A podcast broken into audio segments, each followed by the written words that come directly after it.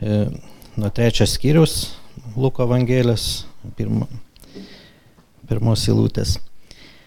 Penk, 15 Ciesoriaus Tiberijaus viešpatavimo metais, Poncijui pilotui valdant judėją, Erodui esant Galilėjos tetrarcho, jo broliui Pilypui Iturėjos bei Trachonitydės krašto tetrarcho, Lisanijai Abilienės tetrarcho, prie vyriausiųjų kunigų Ano ir Kajafo, atėjo viešpatė žodis Zacharijos sūnui Jonui dikumoje. Jis apėjo visą pajordanę, skelbdamas atgailos krikštą nuodėmėms atleisti.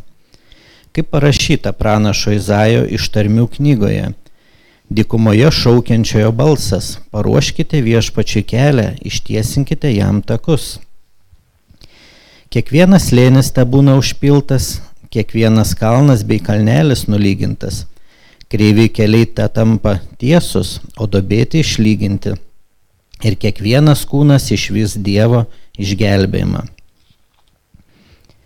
Ateinančiams pasikrikštytis minioms Jonas sakė, Angių išperos, kas perspėjo jūs bėgti nuo besiartinančios rūstybės? Duokite vaisių vertų atgailos ir nebandykite ramintis, mūsų tėvas Abromas. Aš jums sakau, kad Dievas gali pažadinti Abromui vaikų iš šitų akmenų. Štai kirvis jau prie medžių šaknų. Kiekvienas medis, kuris neduoda gerų vaisių, yra nukertamas ir įmetamas į ugnį. Minius jo klausė, kągi mums daryti? Jis joms atsakė, kas turi dvi tunikas, te pasidalina su neturinčiu, ir kas turi maisto, tegul taip pat daro. Ėjo ir muitininkai krikštytis ir klausė, mokytojau, ką mums daryti? Jis sakė jiems, nereikalaukite daugiau negu jums nustatyta. Taip pat ir kariai klausė, ką mums daryti? Jis jiems atsakė, nieko neskriauskite, melagingai neskūskite, tenkinkitės savo alga. Žmonių lūkesčiams augant ir visiems mastant širdise, širdise apie Joną, ar kartais jis ne Kristus, Jonas visiems kalbėjo.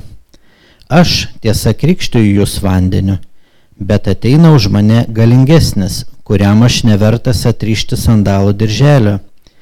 Jis jūs krikštis, e, jūs šventąją dvasia ir ugnimi Jo rankoje vietiklė.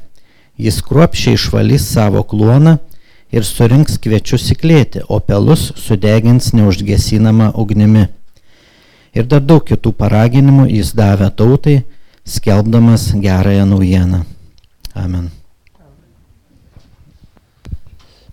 Pasimelskime. Dangiškasis tėvė, mes prašome, kad tavo žodis e, kalbėtų mums, kad tavo žodis atvertų mums tiesą ir kad mūsų sąžinės pilotų mums į širdį ir kad mes būtume drąsūs išgirsti, pamatyti, suprasti, suvokti ir tinkamai atsiliepti.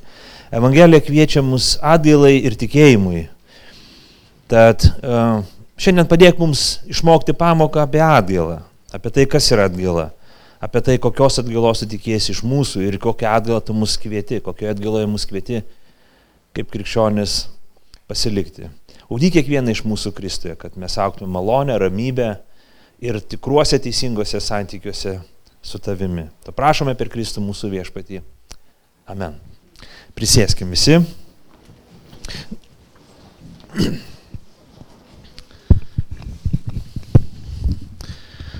Spalio pabaigoje mes buvome su sunumis nuvažiavę į Vilnių klausytis vieno psichologo, kanadiečių psichologo Jordano B. Petersono uh, paskaitą Vilniuje. Jis žinomas žmogus ir, ir atvyko, mes skaitėme jo knygas, klausėmės daug jo paskaitų ir atvykome, jis atvyko į Vilnių ir galvojom, būtų smagu jo paklausyti. Renginys prasidėjo kel, keliais muzikiniais kūriniais ir galiausiai ant scenos užlipo jo žmona, trumpai pasakė, kas čia bus. Ir scenoje pasirodė ne psichologas Jordanas Petersonas, bet pasirodė uh, rašytojas Douglas, Douglasas Murėjus, kuris kalbėjo įžanginę kalbą. Ir mes visi susidairėm, kas čia vyksta, mes laukiam psichologo, kalba rašytojas. Ir jisai kalbėjo, kalbėjo, pateikė keletą išvalgų, tokia britiška maniera. Nu ir galiausiai jisai pristatė psichologą, kurio visi mes laukiame, ten susirinko keli tūkstančiai žmonių į areną, kad pasiklausytų to žmogaus. Taigi, Douglasas Murėjus atėjo pasakyti tokią įžanginę kalbą, sušildyti auditoriją paruošti kelią tam, kuris ateis, dėl ko visi atvažiavo iš skirtingų Lietuvos miestų, sumokėjo pinigus, kad klausytų. Ir štai atėjo ta akimirka, kai Jordanas Petersonas įžengė, Petersonas įžengė į, į auditoriją ir mes visi jo daugiau nei valandą klausėmės. Mūsų tekstas, kurį mes skaitom, yra lygiai toks pat. Jonas Krikštytojas įžengė į sceną. Ilgai ruošti, tūkstančius metų ruošti pasiruošimo darbai dekoracijos scenos, mizens scenos, visi kiti dalykai buvo ruošiama, kruopšiai daroma, daromas darbas ir staiga užvaldos pajudėjo ir jos persiskiria. Ir į sceną pagrindiniam veiksmui išeina, ne pagrindiniam veiksmui, vienam pagrindinių veiksmų, tam įžanginiam veiksmui išeina Jonas Krikštytojas. Po 18 metų pertraukos, nes mes skaitome 23 eilutę, jos nepaskaitėme, kad tuo metu Jėzui buvo apie 30 metų, o paskutinį, paskutinės eilutės, apie kurias skaitėme antrame skyriuje, buvo aprašytos tuomet, kai Jėzui buvo 12 metų. Taigi praėjo nemažas laiko tarpas, bet štai veiksmas prasidėjo. Didžiausias iš žmonių sūnų, didžiausias Seno testamento pranašas, senųjų pranašyšių išpildytojas, Jonas Krikštytojas, Paskutinis Seno testamento pranašas išeina ant scenos ir atlieka savo ariją. Jisai atlieka savo tarnystę. Ir jisai pristatys tą, kuris, apie kurį sukasi visa Evangelijos, visa Biblijos istorija. Galėtume sakyti, apie jį sukasi visa žmonijos istorija. Jo laukia, jį, jį pranašavo nuo Domo ir Jėvos, Seno testamento herojai, daugybė žmonių, angelai styrojo į tai ir žiūrėjo. E, apie jį mes kalbame jau praeituoju metu, laiku, sakome, o, jis buvo atėjęs į šitą žemę. Ir veiksmo gale, jeigu mes paskaitytumėm skyrių iki galo, mes matome Jėzus Kristus įžengė į sceną, jis taip pat ateina pas Joną krikščitoje, kad jis būtų pakrikštytas.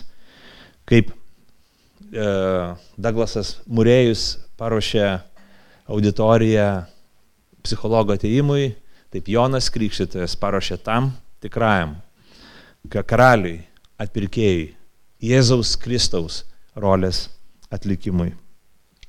Jono tarnystė tokia netikėtina ir mes čia skaitome ištrauką iš Izaijo pranašystės 40 skyriaus ir kalbama, žiūrėkit, ketvirtąją lūtę, kaip parašyta pranašo Izaijo žodžių knygoje dykumoje, dykumoje šaukiančio balsas, paruoškite viešpačiui kelią, ištiesinkite jam takus.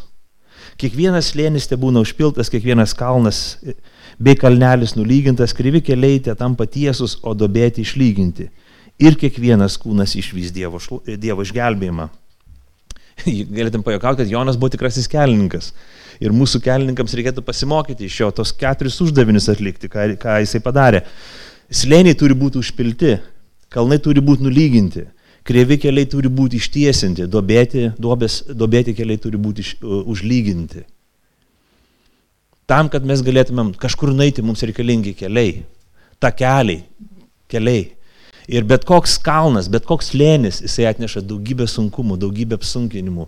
Mūsų kelią padaro labai sunku, o kartais ir neįmanoma dėl to, kad apeiti, užkopti į kalnų viršūnės, nusileisti giliausius lėnius yra ypatingai sudėtinga.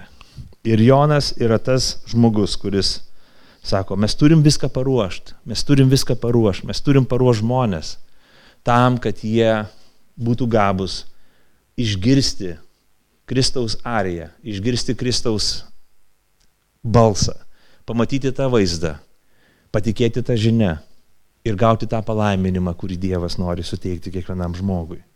Viskas turi būti parašta, paruošta tam, kad kiekvienas kūnas išvystų Dievo išgelbėjimą. Ir be abejo, Jono Krikščitojo žinia, pagrindinė mintis ir idėja yra tai, kad jisai kviečia žmonės atgailai. Jis kviečia atgailai. E, kur čia parašyta, mums labai gražiai pačioj pradžioj. Trečia eilutė, jis apie visą pajordanę, skelbdamas atgailos krikštą nuodėmėms atleisti. Taigi Jono krikšto tarnystė buvo kvietimas žmonių į atgailą. Atgailaukite. Atgailaukite.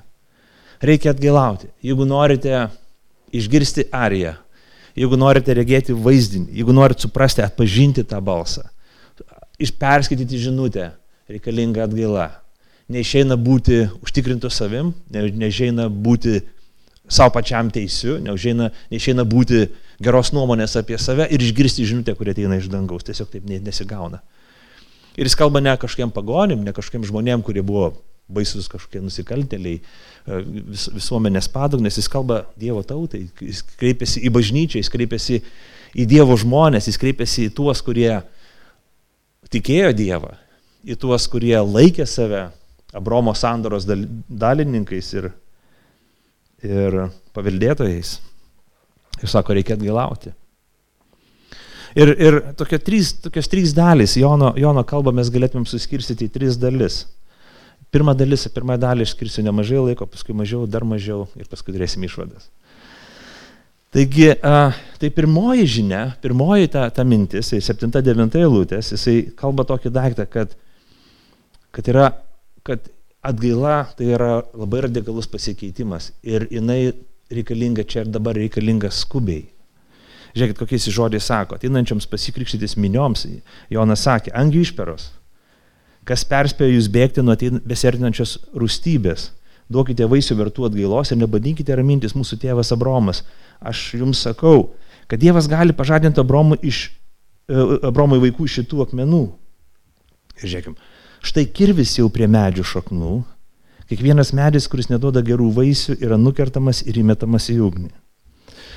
Jeigu Lukas mums pristato Joną kaip kelininką, čia dabar Jonas jau paima sodininko įvaizdį ir sako, Įsivaizduokit, tu esi sodininkas ir turi, turi medžių, turi vaismedžių ir vaismedis neduoda vaisių.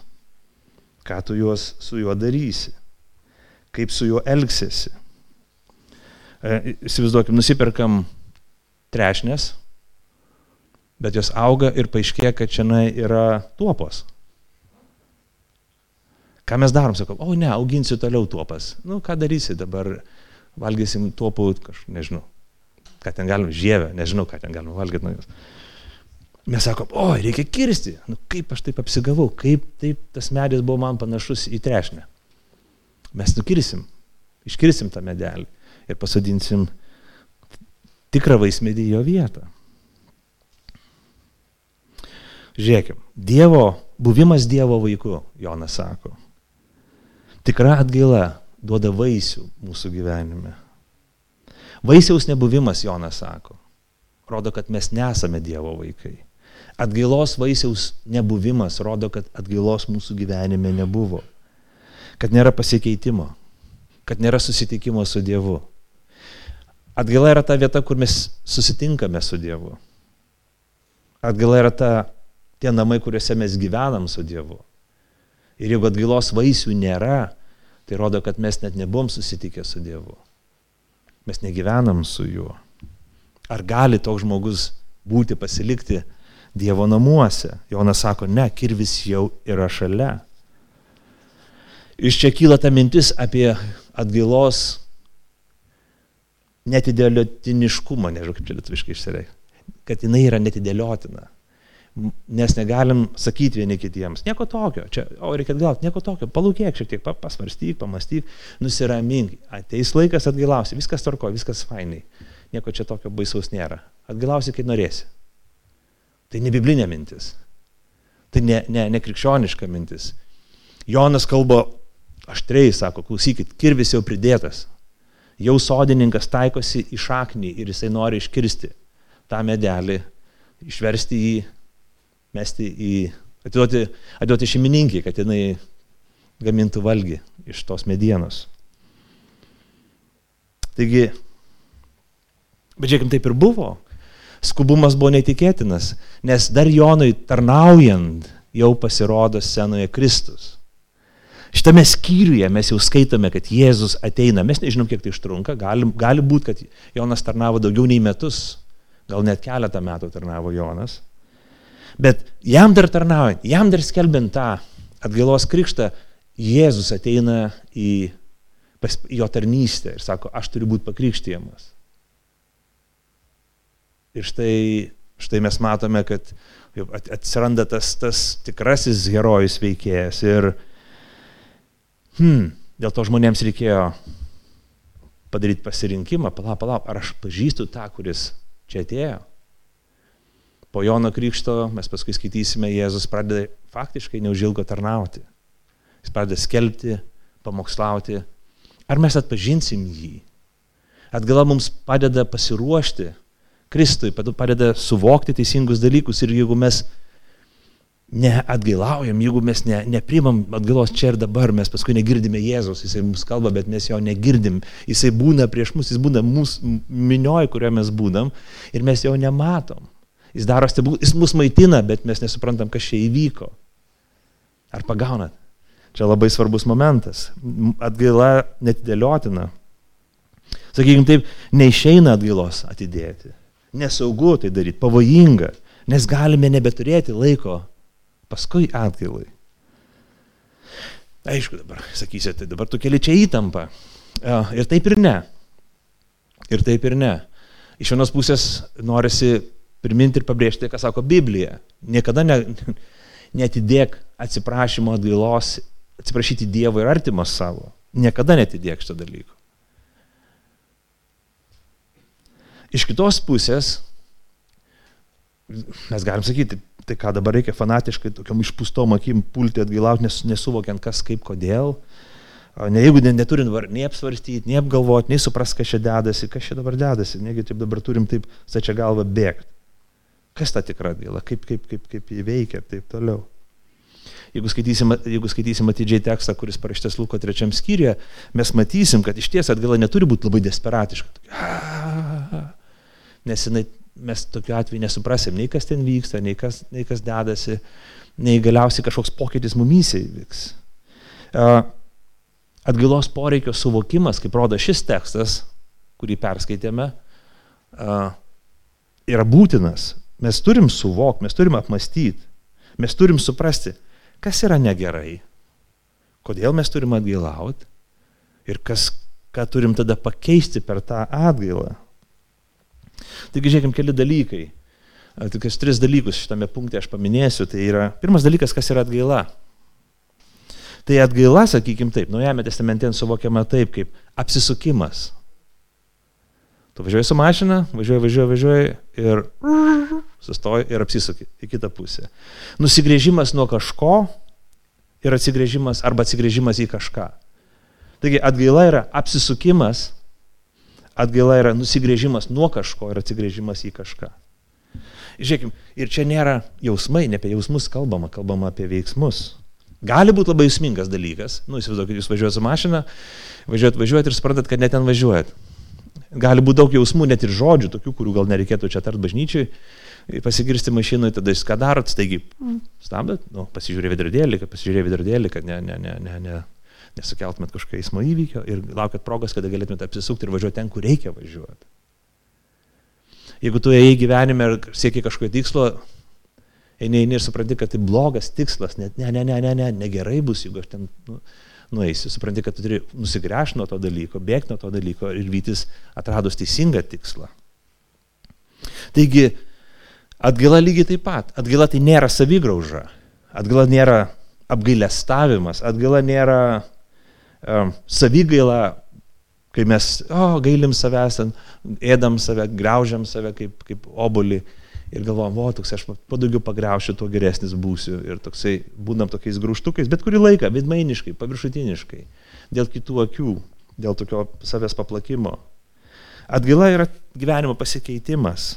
Ejau tuo keliu, bet apsisukau, pradėjau eiti kitų kelių. Ejau link gero tikslo, bet neteisingų kelių. Susivokiau, apsigrėžiu, pradėjau teisingų kelių. Ėjau ten į tą tikslą, Bet atgailavęs supratau, kad tikslas blogas ir aš jį pakeičiau.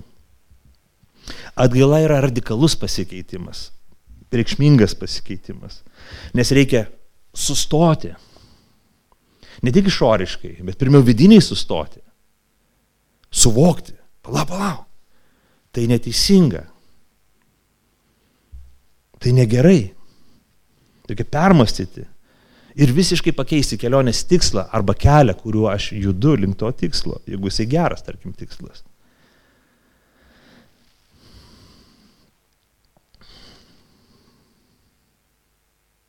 Dėl to žiūrėkit, šitoje vietoje kartais mes sakom, biškė atgailavau. Nėra tokio dalyko, kaip biškė atgailauti. Kai važiuoji blogu keliu, nu, biški čia blogas, nu, biški. Ne, nebūna. Arba apsisuki, arba neapsisuki. Arba pakeiti tikslą, arba nepakeiti. Truputį pakeisti kelionės tikslą neįmanoma. Jis yra arba vienas, arba kitas. Arba važiuoji į Šiaulius, arba į Vilnių. Negali važiuoti, nu, biški. Biški. Biški šiau. Vilnių šiauliai. A, ne, arba ten, arba ten.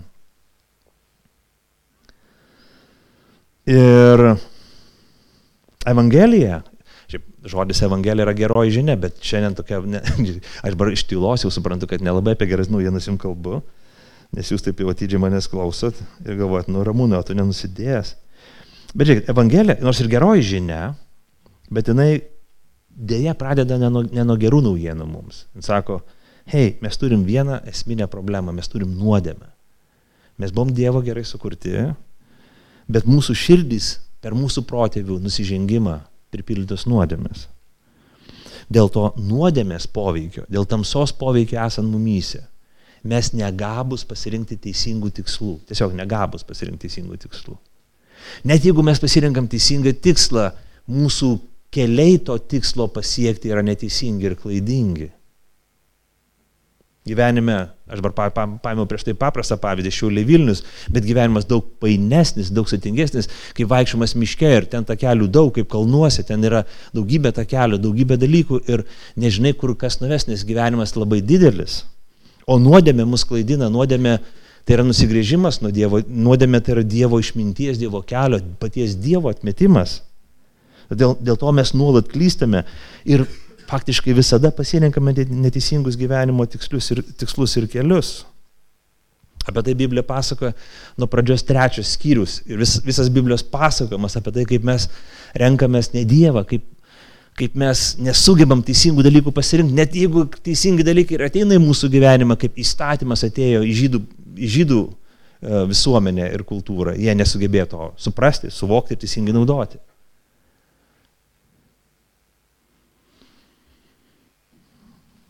Bet gera žinia yra tame, kad Dievas nepaliko mūsų vienų. Dar biškai aš norėčiau pratesti savo kalbą šiek tiek ir jeigu galima perjungti skaidrę. Ir kalbėti apie tą netikrą atgailą, kuri būna. Čia tokį porą, porą aspektų norėčiau paliesti. Sako, Jonas sako, kas jūs paragino bėgti nuo beserdinančios rūstybės. Jis kreipiasi nelabai gražiai žmonės angių išperos neraginčiau taip kreiptis savo artimuosius ar kolegas grįžus rytoj darbo vietą ar šiandien namus. Nebus tai gerai labai socialiniams santykiams tvirtinti. Bet Jonas taip kreipėsi. Sako, ko jūs bėgat nuo besertinančios rūstybės? Kartais mes turim tokią atgailą. Čiūrikas, būsiu geras. Psio, psio. Viskas gerai, tvarkoju, nebereikia įtampo. Psio, viskas gerai, būsiu geras. Supratau, supratau, supratau. Tik nereikia įtampos. Arba kaltas klydau gulinčio nemušą. Vyresnės kartos žmonės žino šitą citatą. Toks iš esmės niekas nesikeičia. Mes bijom bausmės, bijom to kalavijo arba to, e, atsiprašau, kirvio, kuris gali nukirsti. Bijom rūstybės, bijom proveržio, emocijų ir kažko kito. Nenorim būti nu, nu, nubausti, norim išvengti pasiekmių. Bet mes negalvojame apie pasikeitimą.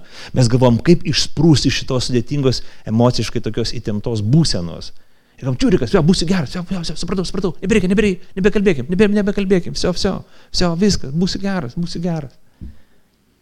Bet nieko nebūna geras. Kailis sveika išnešė ir paskui taip pat ilgėsit, pasižiūri, apsidairai, po kelių dienų emocija vėl grįžta ir vėl ilgėsi taip, kaip ilgėsi, net nesusimastęs, kad nieks nepasikeitė. Šventame rašte mes skaitome istoriją, jie sako palyginimą, mato Evangelijos 18 skyriuje apie žmogų, kuris buvo skolingas 10 tūkstančių talentų. Mes net nežinom, kiek čia pinigų. 10 tūkstančių talentų, mes nežinom, čia, čia šimtai milijonų, sakykime, eurų. Ir žmogus buvo skolingas. Ir kai Dievas, tai šeimininkas sako, hei, dabar man turi gražinti, o jei ne, parduosiu tave ir tavo šeimą. Tas žmogus sako, čiūrikas, viskas, jo, būsiu geras, dabar tikrai būsiu geras. Supratau savo klaidą. Per daug išlaidaudavau, sako tas žmogus. Keli šimtus milijonų eurų. Per daug iš... Jau būsiu geras, būsiu geras. Šeimininkas pasigailėjo to žmogaus. Jis sako, gerai, dovanoju tau, viskas, tu nebeskolingas man.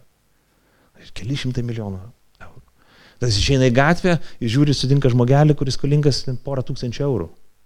Užgriebė jų už gesmės ir sako, nu dabar tau bus šaka. Dabar tai tave į kalėjimą, dabar tave į lombardą parduosiu detalėmis. Ir pamatė šeimininko tarnai, nuliūdo ir sako, o reikia pranešti šeimininkui, klausyk. Hei, jis nesuprato, nepagavo minties. Jeigu jam dovanota, jis turėtų dovanoti kitiems. Tai turėtų perkeisti jį. Tada jie praneša šeimininkui, šeimininkas pasikviečia tą, sako, nu dabar tau. Viskas jau. Jau dabar čiūrikas, kaltas kildau gulinčio nemušo neveikia, mušom ir gulinčius. Taigi, ta netikra atgaila, netikras dalykas, kai mes norime pabėgti nuo įtampos, bet nematom esminė, esminės problemos, nesuprantam jos, nepakeliam įtampos, nepakeliam žinios apie save, tos desperacijos, kuri mums labai reikalinga, kad mums reikia kažkokio tarpininko, kažko, kas paimtų mūsų blogybę iš mūsų širdies. Kita, kita, kita netikra atgaila yra tuomet, kai aštuntojo tai sako, sako, nebandykite ramintis, mūsų tėvas Abromas. Tas nusiraminimas. Viskas bus gerai. Ei, viskas bus gerai, nesijauni, ko čia parinėsi, nusiramink, viskas bus gerai, baig baris optimizmo daugiau, daugiau optimizmo. Būkim šviesus, žiūrėkim šviesiai į pasaulį ir, ir taip toliau. Aš savo studentams sakau paskaitose, jeigu jums kažkas gyvenime nutiks dalyko tokio, kad jūs prabusit ligoniniai ir artimieji supolės, sakys, viskas bus gerai, viskas bus gerai. Aš sakau, supraskite, kad jau nebėra viskas gerai ir tada jau um, rašykit testamentą. Nes tai reiškia, kad nebegerai, jeigu visi sako, kad viskas bus gerai. Bet mes krikščionys labai naudojam šitą vaistą Dievas yra geras, viskas bus gerai. Mes esam teisingai pusė, Dievas su mumis, Dievas taip myli. Mūsų teologija gera, mano teologija, aš atgimęs, aš įtikėjęs, viskas gerai, nieko baisausgi nepadariau ir taip toliau. Ir mes raminam save tokiais žodžiais. Tokia netikra, netikra atgaila. Ir tai nėra teisingas dalykas. Prisimenu vieną tokį pokalbį, e, interviu, ar ne, ne interviu, toks pokalbis buvo. Ir vienas žydų tautybės žmogus, vyresnio amžiaus žmogus, jisai pasakoja savo atsivertimo istoriją. Jisai žydų tautybės žmogus ir jisai gyveno, buvo žydas, kažkiek praktikuojantis tikėjimą savo, taip, gal nominaliai, taip ne, ne, ne, ne visai jau, vadinkim, giliai įsigilinęs į tai. Ir jis apie save galvo, kad jis yra geras pakankamai žmogus. Ir tada sutiko su, viena, su vienu krikščionimi, būdamas dar pa, paauglius, jis sutiko vieną krikščionį ir tas krikščionis sako, žinai, tau reikia, Jėzus mirė už mūsų nuodėmės ir tau gali būti atleista. Jėzus priima kiekvieną nusidėlį. Ir tas žydų berniukas sako, aš tik nenusidėlis, aš nieko neužmušiu, aš nesvetimauju, nu, žodžiu, aš nesu nusidėlis. Ir jis sako, pagal žydų supratimą, nu kaip ir pagal lietuvį sakyčiau, jeigu neužmušiai nieko, jeigu mm, nesvetimauji labai ten atvirai kažkaip, tai, tai tu esi geras žmogus, tu nesi nusidėlis. Ir tada tas, tas jaunuolis, sako, tas mano draugas atsivertė šventą raštą ir pacitavo Kalno pamokslo mintį, kai sako, kiekvienas, kas gėdulingai žvelgia į moterį, savo širdį svetimauja. Ir sako, tai kaip žaibas trinktelėjo man į galvą. Nes sako, svetimavimą aš supratau kaip nuodėmę, nes, nes įstatymas sako, nesvetimauk. Ir sako, supratau, kad palauk, palauk, nuodėmė ne tik tai išorinis fizinis veiksmas, bet ir mano motyvai ir kiti dalykai, kad nuodėmė yra labai giliai manį. Mums neišeina sakyti, jeigu aš nenužudžiau nieko, aš ne, nenusidėlis. Nuodėmė labai subtili, nuodėmė labai giliai mumyse jausta. Ir tam berniukui tai pasitarnavo kaip akstinas, kaip priežastis, kodėl jis pradėjo ieškoti tikėjimo ir tapo vėliau krikščionimi, nes Kristuje atrado atleidimą, Kristuje atrado tai, kas, uh, kas suteikia jam ramybę, atgimimą, naują tapatybę kaip krikščionio. Taigi žiūrėkim, netikra atgaila neatneša jokio pokyčio į mūsų gyvenimą. Mes galime atgailauti, prisimest, būti tokiais nulinktam galvytėm, kalbėti maloniai, bet net neša jokio pokyčio mūsų gyvenime, nedaro jokio poveikio mums, neturi jokios gelbstinčios jėgos savy. Žiūrėkit, tokioje atgailoje mes nesutinkam patys savęs, mes nematom savo nuodėmių. Galbūt lengviau mums dėl to yra, kad mes nematom savo nuodėmių mums biškai gal lengviau darosi, nes mes galvojam apie save geriau, nematom tikro savo uh, uh, veido. Bet ne, nesutikę nuodėmės, nepamatę tikro savo veido, tikros nuodėmės esančios mumyse, mes nesutinkame tuo pat metu ir Dievo gailestingumo. Mes nepaju, nepajuntame gailestingojo samariečio, samariečio rankų prisilietimo. Mes negirdime gerojo ganytojo balso, jo žodžių. Būk drasus, sunau, tavo nuodėmės tavo atleistos. Tik tai, tik tuo met, kai mes pažvelgėme į save, kai mes pamatome, kokie mes esame, kokia nuodėmė yra mumyse. Ir kai mes de, tokioje desperacijoje, neviltyje ieškome Dievę, ką man dabar daryti, mes galime sutikti Kristų, pamatyti tą, kuris žengė krikšto vandenis, Dievo vinėlį, Dievo sūnų, kuris atėjo numirti už mūsų nuodėmės. Ir tai suteikia tikrą paguodą. Tai atneša mums ramybę. Tai atneša mums atleidimą. Tai mus atgimdo iš aukštybių. Tai mus perkeičia ir suteikia mums amžinę gyvenimą. Taigi tikroji atgaila tai suvokimas, kad mano keliai yra ne Dievo keliai. Jie labai skiriasi, taip, tai keliai, kuriais aš vaikštau. Mano darbai yra ne Dievo darbai, aš darau blogus darbus. Mano žodžiai yra ne Dievo žodžiai, nes Dievas kalba kas gera, kas kilnu, kas gražu, o mano žodžiai bjaurus. Mano mintys, ne Dievo mintys. Mano širdys, mano širdis, ne Dievo širdis. Mano svajonė, svajonės, ne Dievo svajonės. Mano siekiai ir gyvenimo tikslai, ne Dievo siekiai ir tikslai. Dažna kartą aš tuos dalykus ir noriu slėpti nuo Dievo. Savo troškimus tikruosius, savo siekius, savo motyvus, savo širdį, savo mintis, savo darbus ir pats save noriu paslėpti nuo Dievo. Tikroji atgaila, kai aš suvokiu, kad aš nusidėjęs. Iš čia kyla širdgėla, sielvartas. A, koks aš esu, kaip aš už, užgaunu artimą, kaip aš įžeidžiu Dievą. Apgailestavimas atsiranda, noras atsiprašyti Dievą. Aš savo pasižymėjau, o kad to užtektų, kad užtektų tik atsiprašyti Dievą. Dieve atleisk. Be to, šiaip jau pagalvokim, Kainas, žinom istoriją iš Seno testamento, Kainas iš pykčio, pykdamas ir pavydėdamas savo broliui Abeliui, jį nužudo, Kainas nužudo savo brolį Abelį. Bet įsivaizduokim, taip nebuvo, bet įsivaizduokim, jeigu tai būtų nutikę, Kainas nužudo savo brolį, praeina tas ta emocija, kažkas nurimsta, suvokia savo darbus, mato kraują, brolio kraują ant savo rankų ir sako, Dieve, ups, netyčia, atleisk. Ir Dievas sako, nieko tokio, viskas fainai. Gerai, gyvenk, ramu.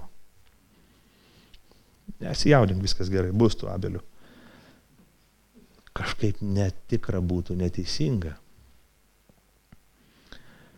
Ne tik kaino nuodėmė. Nes nėra skirtumo kokia nuodėmė. Nuodėmė turi tą pačią prigimtį, maištą prieš Dievą. Kiekviena nuodėmė yra kaino nuodėmė. Yra baisus nusikaltimas prieš jį ir negali būti lengvai atleidžiama. Kalties nenuplausi, save greuždamas, savigraužą, apgailestavimu, dienoraščio rašymu, kalbėjimu pas psichoterapeutą, užsimiršimu, negalvojimu apie tai. Tas, tas šarmas, muilas, ta rūkštis nenuplauna nuodėmės. Jokios psichologinės priemonės negali ištrinti kalties. Ne, nėra psichologinių instrumentų, kurie gali ištrinti kaltę. Mes galim tik sukurti daugiau triukšmo, nukreipti dėmesį, kad užsimirštumėm, kad esame kalti. Mums reikalingas atpirkimas. Štai kodėl. Štai kodėl visi laukia tūkstančius metų to avinėlio, to Dievo sunaus, kuris ateitų į šitą žemę, įsikūnytų, vaikščiotų tarp mūsų, tarnautų, skelbtų, mokytų ir galiausiai būtų paukotas už mūsų nuodėmės. Štai kodėl Evangelija geroji žinia. Jis sako, tu baisus nusidėlis, toks baisus, kokio tu negali įsivaizduoti, tu nežinai savo nuodėmės gylio, tai pragaras esantis tavy.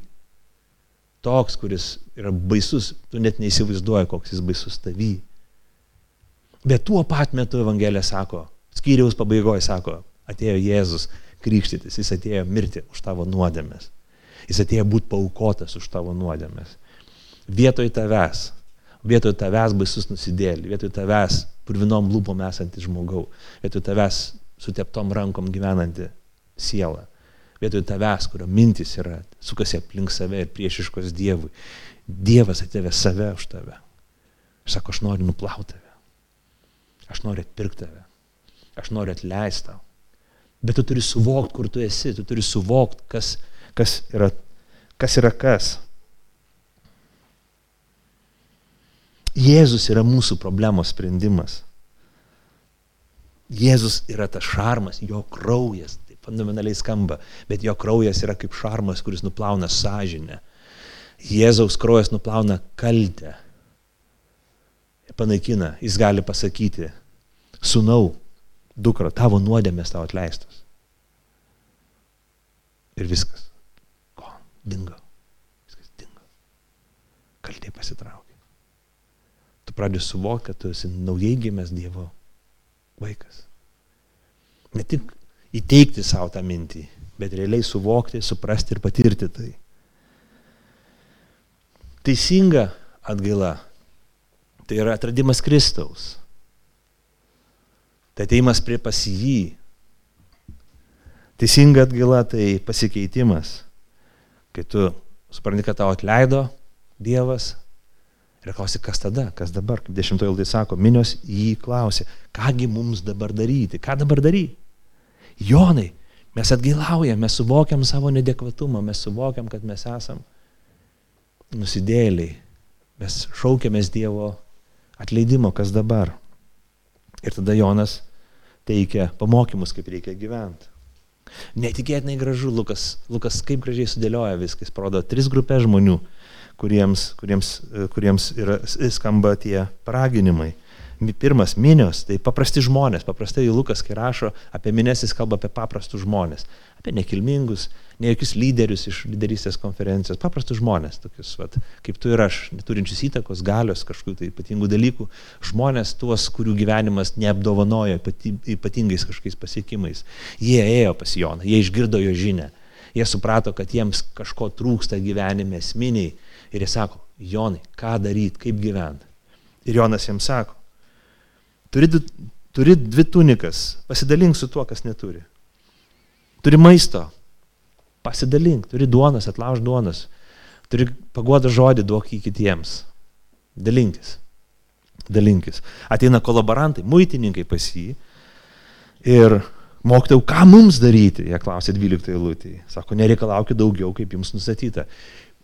Jonas nepravėjo lauk kolaborantų, tų, kurie bendradarbiavo kartu su Roma, okupacinė valdžia, sovietiniai klerkai, visokie atsiprašant partijų veikėjai, kurie dėl kolektyvinio sodo, dėl Volgos ir, ir dėl žirnelių bulgariškų galėjo viską padaryti, gerklę perkas kitiems. Bet jie atėjo pas Jėzų, pas Joną atsiprašau. Jonas sako, neim žirnelių, ne, ne, nereikalauks antros sekcijos, nespekuliuok gyventi, pasikeisti, jeigu pasikeičia tavo gyvenimas. Ateina kareiviai. Jėzu, e, Jonas e, nes, nesako, jis nebuvo pacifistas, nesako, sudėkit ginklus, kariauti nedvasinga. Tai eikim taikos maršą. Nuo Galilėjos iki Jeruzalės ir tegul ten visi atsisako ginklų. Ne.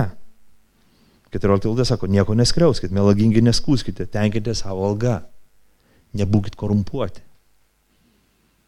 Ir čia, čia kyla labai stiprus tas krikščioniškas požiūris, kad Kariauti krikščioniai yra Dievo duota pareiga, krikščionis gali turėti ginklą, mirtiną ginklą, gali nutraukti kito žmogaus gyvybę, jei tas žmogus elgesi netinkamai.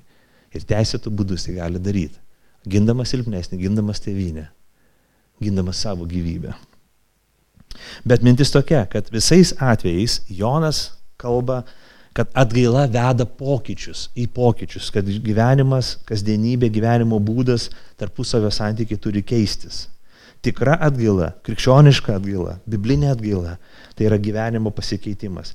Netrumpalaikis impulsas. Oi, šiandien pasijaučiau labai geras. Kur ta, ta moneta, kur reikia ten paukoti, kur tas krepšelis jūs. Va, va, taip gerai, kažkaip pasijaučiau. Ne, ne, tai gyvenimo būdas, viskas, visas gyvenimas perkeičiama. Ne tik trumpai, bet visas gyvenimas keičiasi kaip medelis, jisai ne, neduoda vaisių, pasodinus čia dabar iš karto, bet medelis auga, auga, auga ir duoda vaisių, paskui vėl jisai apmiršta, vėl duoda vaisių, vėl duoda vaisių, nuolat neša vaisių, kol gyvas būna. Taip ir tikroji krikščioniška atgaila žmogų veda į tą vaisingą gyvenimo būdą. Tai visas jo gyvenimas. Jeigu jis tik sužibėjo vieną kartą ir paskui jisai nebe, nebeduoda vaisiaus, reiškia nebuvo tikra atgaila tikra atgaila laikė yra ištestuojama. Ir Martinas Liuteris sako, atgaila trunka visą krikščionio gyvenimą, visą krikščionio gyvenimą. Kaip Jėzus sako, atleisk mums mūsų kaltes. Kasdienės duonos mūsų duok mums šiandien. Atleisk mums mūsų kaltes. Kasdieniai krikščioniškai maldojame, prašom Dievo atleidimo. Malda yra mūsų gyvenimo būdas, kaip mes gyvename atgaila, atsiprašau, ir malda, ir atgaila yra gyvenimo būdas. Mes prašome Dievo atleidimo. Ne tik vieną kartą gyvenime, bet, bet nuolat. Galiausiai Jono klausė, Jonai, klausyk, tai tu greičiausiai esi tas. Jei jau turi tą lūkestį, čia 15-16 lūtė, tikrai esi tas. Tu, tu esi greičiausiai tas mesijas. Ir Jonas sako, ne, ne, ne, aš nesu tas. Ateina didesnis už mane. Žiūrėkit, Žiūrėkit, vyrai, broliai, aš krikščiu jūs vandeniu, bet ne tas, kuris krikštys jūs šventąją dvasę, jis teiks dvasę jums. Dvasę, kurią šauksite abą tėvę, kurią sakysite, Dievas yra mano tėvas, Jėzus yra mano brolis. Jis duos dvasę, kad pažintumėt raštą, pakeis širdį, kad jūs galėtumėte atsakyti, aš myliu Kristų, aš myliu Dievą. Hmm, jis mano tėvas. Jis turės galę, tas, kuris ateina, turės galę, aš jos neturiu.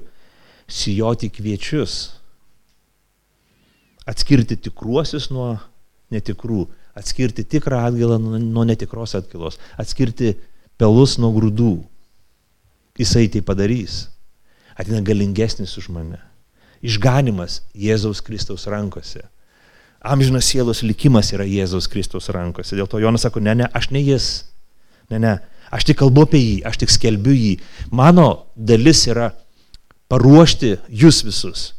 Sakytume, o, oh, laukite, tuoj scenoje pasirodys jis. Ir kai ateis, pažinkite jį. Čia labai paprastas, labai geras pritaikymas šiaip gyvenime, kad kaip gerai mums žinoti, kas mes esame ir kas mes nesam. Kokia mūsų dovana ir kur tos dovanos ribos. Gyvenime ir krikščionybė lygiai taip pat mes esam Dievo vaikai. Mes esam jo sūnus ir dukros. Aš, aš turiu tokią tokią dovaną, kitos neturiu. Taigi Jonas baigė savo pasirodymą, jo arija buvo įspūdinga, minios tauta grežiasi, ėjo pas jį prie uh, Jordano upės. Tačiau, tačiau darnystė buvo trumpa. Jis garsiai, skardžiai sušuko tautai, labai dramatiškai ir kaip senovės pranašas, kaip būsimų Kristaus kančių liudytojas, jis buvo atiduotas į kalėjimą, paskui buvo nukirzintas, jam buvo nukirsta galva. Erodas iš savo nesaugumo, vidinių dramų plėšomas ir draskomas suima Joną, norėdamas išlaikyti savo veidą. Jonas atlieka savo ariją ir užleidžia sceną Jėzui Kristui. Ko mes galim pasimokyti? Keturi dalykai. Jūs pavargsit nuo mano, mano pamosto, bet Ką jau darysi? Pirmas dalykas, aš manau, kad yra toks dalykas, e, kaip didžioji apgaulė gali vykti mumyse. Man atrodo, kad tai pavojinga. Trumpai paaiškinsiu. kai pabunda mūsų sąžinė, kai suvokiam įstatymo reikalavimus ir kai pradam suvokti, kas mes esam, suprantam, kad aš nus, padariau kažką netinkamo. Situacijų kažkokia, skaitant Dievo žodį, klausant Dievo žodžio, bendraujant su kitais žmonėmis, būnant su kitais žmonėmis.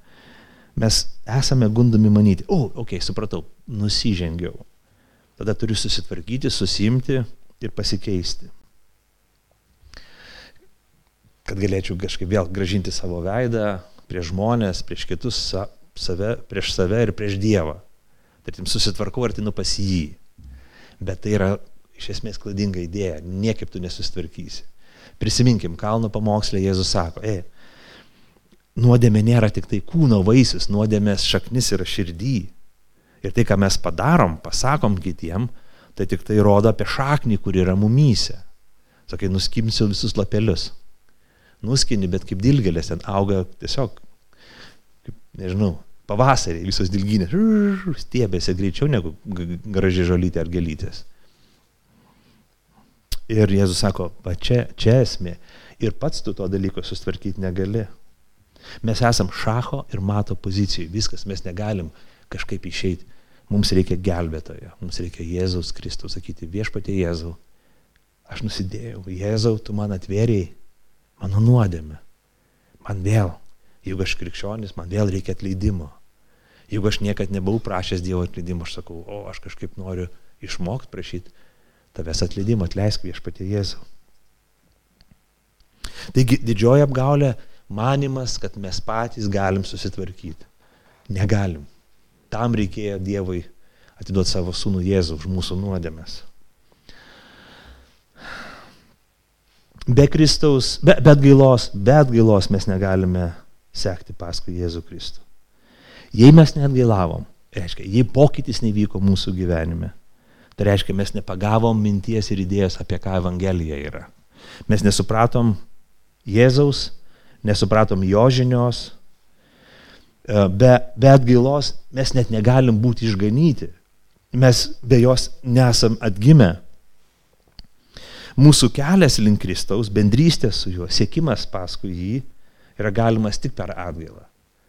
Atgailaukite ir tikėkite, skelbėgi Jėzus. Jonas šaukė, atgailaukite, atgailaukite, atgailaukite. Tokia buvo jo arija, tokia buvo jo gesmė. Ir tuomet pasirodo Jėzus. Tie, kas klausė, tie galėjo pažinti Kristų. Tie, kas nebuvo, tie, kas neklausė, Tie, kas nepakluso, tie, kas net gailavo, nepamatė Jėzus, nesutiko Jėzus, net gailavo ir nebuvo išgelbėti.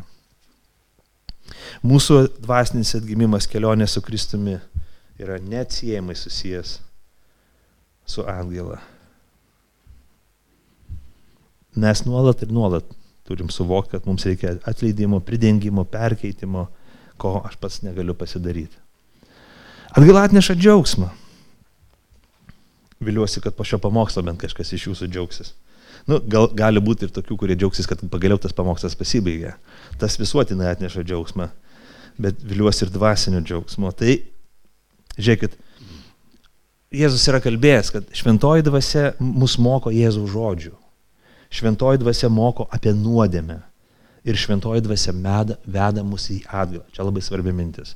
Šventoji dvasia moko apie Jėzų, šventoji dvasia moko apie nuodėmę esančią mumyse ir šventoji dvasia veda mus į atgailą.